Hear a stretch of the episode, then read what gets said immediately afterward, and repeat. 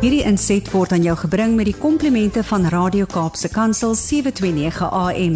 Besoek ons gerus by www.cape pulpit.co.za. Baie baie welkom by nog 'n insetsel oor geestesgesondheid net hier op Leef by Radio Kansel en Kaapse Kansel. My naam is Gerda Kriel, kliniese sielkundige van Somerset Wes, en hierdie maand kuier ons saam rondom die tema van verwerping. Nou as verlede week vir jou 'n bietjie laat inskakel het vanoggend en jy wonder wat gaan ons vandag praat oor hoe om met verwerping te hanteer, het ek goeie nuus vir jou. Ons gaan vandag bietjie kyk nie net na hoe jy met verwerping kan saamgaan wanneer dit in jou lewe opkom nie, maar ook gaan ons bietjie net praat en uitpak oor wat is die potensiële geleenthede wat vir jou binne verwerping lê. So ek wil hê julle met julle ore oop spits, vinnig 'n koppie koffie saam met ons drink en lekker kuier. Nou ons het verlede week reeds genoem dat verwerping bydra daartoe dat 'n mens sommer mismoedig oor die lewe voel en dat jy gevoelens van onwaardigheid voel. Nou kan verwerping ook daartoe lei dat jy miskien intimiteit of of vriendskappe probeer vermy want jy's so bang om weer seer te kry. Maar verwerping hoef nie jou lewe te beperk nie sien elkeen van ons gaan op 'n stadium deur verwerping en dit is belangrik dat jy dit besef want wanneer jy die een is wat verwerp word dan is dit so maklik om jouself te oortuig dat jy die probleem is en dat jy die enigste een in die wêreld is wat nog ooit deur verwerping gegaan het. En natuurlik as mens is ons so geneig om onsself te probeer beskerm teen dit wat seermaak en daarom wil ons probeer om emosionele mure rondom onsself te sit rondom dinge wat ons bietjie weerbaar laat voel, as ons onseker voel of selfbewus voel oor ietsie of as ons probleme het of ons hope en ons drome nie seker is of ons dit gaan bereik nie, dan het ons 'n valse oortuiging dat ons beter is om onsself te beskerm as wat dit is om onsself weer 'n geleentheid te gee. Nou vandag wil ek met jou praat en vir jou sê dat verwerping moet jy juis nie dit doen nie. Want sien as jy jou gaan laat toesluit as gevolg van verwerping of gevoelens van verwerping wat jy beleef, dan mis jy uit op alles wat die lewe moontlik vir jou kan bied. Maar ek wil hê jy moet weet dat ek weet self ook hoe die pyn van verwerping jou hart stikkend kan maak. Kom ons praat hieroor. Hoe koop ons met verwerping? Heel eerste, is dit so ongelooflik belangrik vir jou om die verwerping 'n naam te gee. Sien die oomblik as jy jou verwerping 'n naam gee. Jy kan sê dit is afdanking of jy kan sê dis die einde van 'n verhouding, dis 'n break-up of jy kan sê um my ma het my weggegooi, wat ook al jou jou naam vir jou verwerping is. Die oomblik as jy dit 'n naam gee, dan sit jy dit buite jouself, jy eksternaliseer dit en dan kan jy op 'n nuwe manier daarmee omgaan. Nou wat doen ons nou as jy nou vir jou verwerping 'n naam gegee het? Ons sien dan herken jy die pyn wat dit vir jou gegee het. So die tweede ding wat jy nou moet doen is om te sê, "Goed, ek het verwerping beleef." En hierdie is die pyn wat ek voel. Herken jou pyn en gee vir jou pyn geleentheid sodat jy die verlies wat met verwerping saamgaan kan rou sien so dikwels voel ons skaam omdat ons verwerp is of ons voel ons is nie goed genoeg nie. Ons wil net agter ons sit. Jy weet, Hakuna Matata, put your past in the behind and your behind in the past. Dit werk net nie vir ons nie. Jy verstaan, ons moet met ons emosies konfronteer. Ons moet onsself toelaat om die verlies te rou. Ons moet toelaat om ons emosies uiting te gee. En want wanneer ons dit nie doen nie, wanneer ons dit onderdruk, dan kan ons eintlik onbewuslik dinge doen wat ons pyn van ons weghou wat nie gesond is nie. Heeltemal te veel eet of heeltemal te veel drink of dwelms misbruik of jouself isoleer. Maar wanneer jy kan rou, wanneer jy jou gevoelens voel, deur hulle uit te skryf, deur te huil, deur terapie toe te gaan, deur te oefen, deur in die natuur te wees, dan gee jy vir jouself die vaardighede om jou verlies en verwerping te verwerk en dit is die belangrikste stap. Die derde stap wat jy nodig het om te doen is dat jy moet besef jy is nie ten skulde nie. Dit is so maklik wanneer jy verwerping beleef om jouself die skuld daarvoor te gee, maar meeste van die tyd is die redes vir 'n verwerping vaag en meerderheid van die tyd het dit niks uitwaai met die persoon wat verwerp word nie.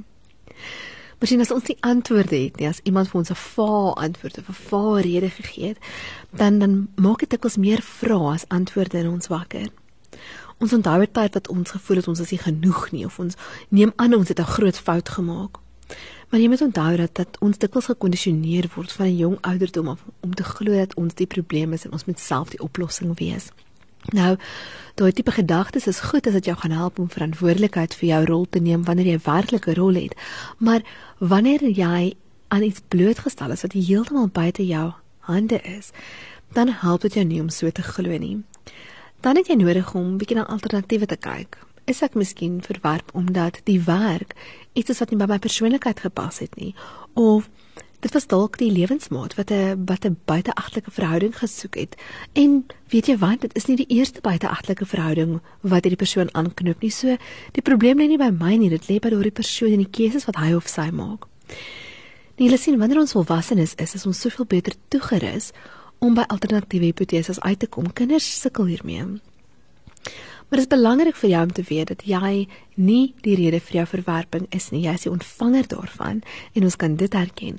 Maar dit is belangrik ook dat jy nie vir jouself sê ek is so sleg en ek is so dit nie want weet jy wat dit raak later jou realiteit en en dit hoef nie jou realiteit te wees nie. Want die vierde stap wat jy het wanneer dit kom by verwerping mee deel is dit om jou veerkragtigheid sterker te maak. Nou, ons as hulpkinders glo dat veerkragtigheid 'n eienskap is wat jy kan aanleer.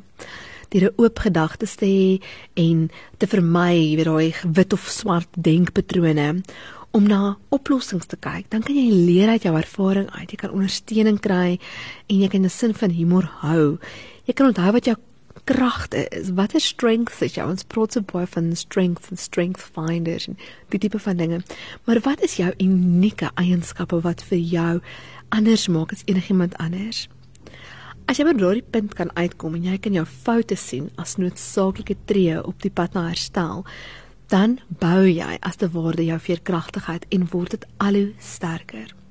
Maar die laaste tree wat jy moet neem om jou verwerping te oorkom, is om jouself weer daar buite te sit. Ja, jy het my reg gehoor. Dis belangrik dat jy jouself weer op die lyn sit, dat jy weer 'n keer probeer.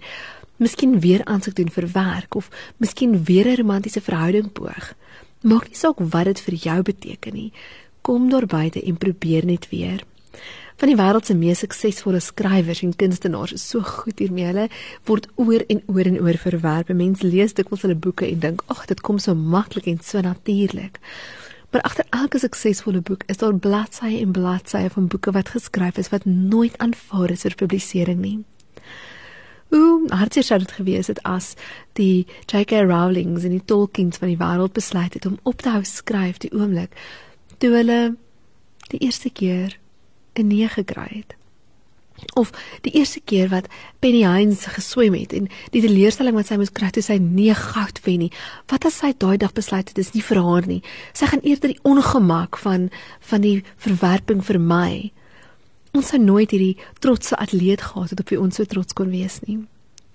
Nou gelukkig vir my en vir jou hoef ons nie ons verwerping alleen te verwerk nie. Nee, sien ons het die Here om ons daardeur te help en om vir ons weer die krag te gee om onsself weer daar buite te sit en 'n nuwe ding te probeer. Ek wil jou regtig aanmoedig as jy verwerping beleef het iewers in jou lewe dat jy jouself weer daar buite sal sit, dat jy weer sal probeer om dit wat jy so goed kan doen tog te probeer om buite sit. Julle ons is nie volmaakte mense nie en ons gaan foute maak. Ek wil jou regtig uitdaag om as jy verwerping beleef het, dat jy jouself weer daar buite sal sit. Sien, ons hoef dit nie alleen te doen nie. As gelowiges het ons die Here om ons krag te gee om dit weer te doen en weer te probeer. En dit is tot 'n groot mate ons superpower. En ek wil dit sommer net skakel met die volgende idee oor verwerping. Wanneer jy verwerping sien as ietsie wat die einde van 'n pad is, dan is dit nogal 'n redelike moedelose plek om te wees. Maar wat as verwerping presies dit is wat nodig is vir jou om oor te begin? As jy nou afgedank is van jou werk, kom ons sê nou net hipoteties, jy is afgedank van jou werk en jy moet skielik 'n nuwe werk kry of 'n nuwe rigting inslaan. Wat as dit vir jou die deur oopmaak na 'n nuwe geleentheid toe wat jy nooit sou gesoek het as jy in jou gemaklike sone was nie? Die verwerping is diep ongemaklik, maar dit is in daai ongemak waar daar groei kan plaasvind, wat ons lewens in 'n nuwe rigting kan inbeweeg. Dalk sou jy vir altyd in 'n lou warm verhouding vasgevang gewees het. En toe die verhouding eindig, voel jy natuurlik baie seer en baie pyn. Maar daar is ook geleentheid. Geleentheid vir jou om 'n lewe te skep wat lyk soos die lewe wat jy in Christus wil navolg. Dit is wat ek bedoel wanneer ek sê dat verwerping ook geleentheid kan wees. Dis 'n geleentheid vir jou om 'n heroonskou jou lewe te neem. Te kyk na die pad waarop jy is en vir jouself te vra, is dit die pad waarop ek moet wees of is dit die tyd om flikkers aan te sit en in 'n nuwe baan te klim? Dit wat vir ons soos 'n negatiewe ding lyk, like, is nie noodwendig altyd negatief nie. Ek bid werklik dat die Here vir julle elkeen onderskeidingsvermoë sal gee om, om te weet wanneer 'n geleentheid homself voordoen aan die einde van verwerping dat jy sal weet watter pad om te vat en en dat jy met energie en toewyding in daardie rigting sal inbeweeg. Volgende week praat ons 'n bietjie oor hoe om saam met iemand te lewe wat verwerpingssensitiwiteit het. En ek wil jou regtig uitnooi as jy vra het oor die onderwerp of as jy vir ons enigiets wil sê of jou storie wil deel. E-mail asseblief die ateljee en deel met ons jou vrae of jou storie aan die einde van die maand kerk weer in die ateljee saam en ons gaan 'n bietjie 'n live chat doen daar en dit is vir ons so lekker om ons luisteraars se vrae te antwoord. Dis 'n geleentheid vir jou om om dit wat in hierdie reeks in jou wakker gemaak is met ons te deel en en jou vrae geantwoord te kry. Mag jy 'n geseënde week hê. My naam is Gerda Kriel en ek kuier weer volgende week saam met julle net hier op Leef. Hierdie inset was aan jou gebring met die komplimente van Radio Kaapse Kansel 729 AM. Besoek ons gerus by www.cape pulpit.co.za.